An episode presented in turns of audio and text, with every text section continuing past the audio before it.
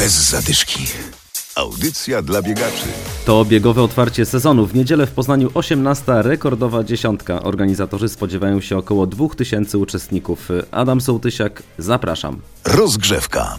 Rekordowa dziesiątka od lat symbolicznie otwiera nie tylko w Poznaniu sezon biegów ulicznych.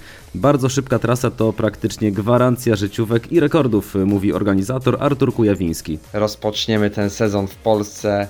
Rekordy padną i wśród zawodowców, i amatorów, ponieważ trasa jest bardzo szybka. Startujemy punktualnie o godzinie 12.00 na wysokości hotelu na ulicy Baraniaka.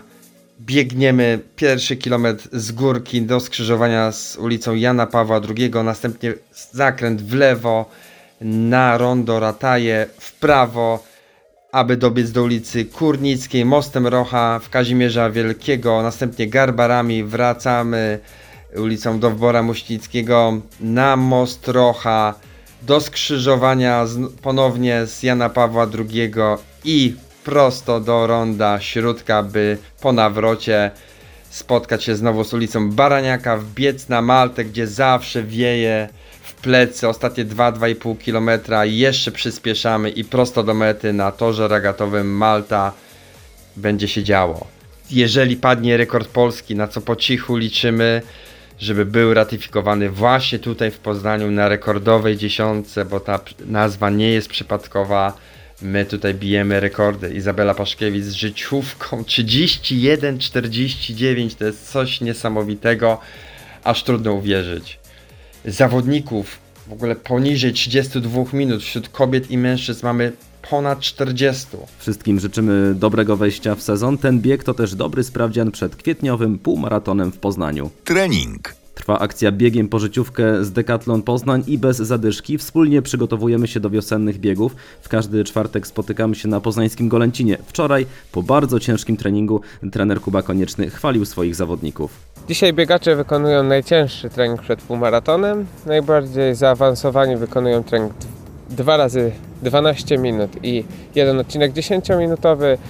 Y, Biegacze trochę mniej zaawansowani, dwa odcinki po 10 minut i jeden odcinek 8-minutowy. E, Zaś osoby, które będą startowały e, w zawodach w, w najbliższy weekend, biegają trening pobudzający, składający się z dwóch odcinków po 1600 metrów, a ci trochę mniej zaawansowani biegacze biegną dwa odcinki po 1200 metrów. U biegaczy przychodzących e, regularnie na treningi, tutaj na Golęcinie widać ogromne postępy. Od samego początku do aktualnego stanu widać ogromny progres i mogą być e, wszyscy biegacze z siebie bardzo zadowoleni i zobaczymy to w, we wszystkich życiówkach pobitych na samym półmaratonie. Zawodnicy realizują przygotowany przez trenerów plan. Adrian Żakowski mówi, że dobrze biegać z głową, no i właśnie według przygotowanego wcześniej planu. Możemy trenować e, z zna- znalezionego planu w internecie. Nie jest to jakby najlepsza, najlepszy sposób, bo on nie jest ten, ten plan wówczas dostosowany do nas. On jest dostosowany tak naprawdę e, ogólnie, jest, jest, są, są rzeczy, które jakby e, nie, są, nie są przypisane do, e, do naszej specyfiki, naszych, naszych ograniczeń, słabości.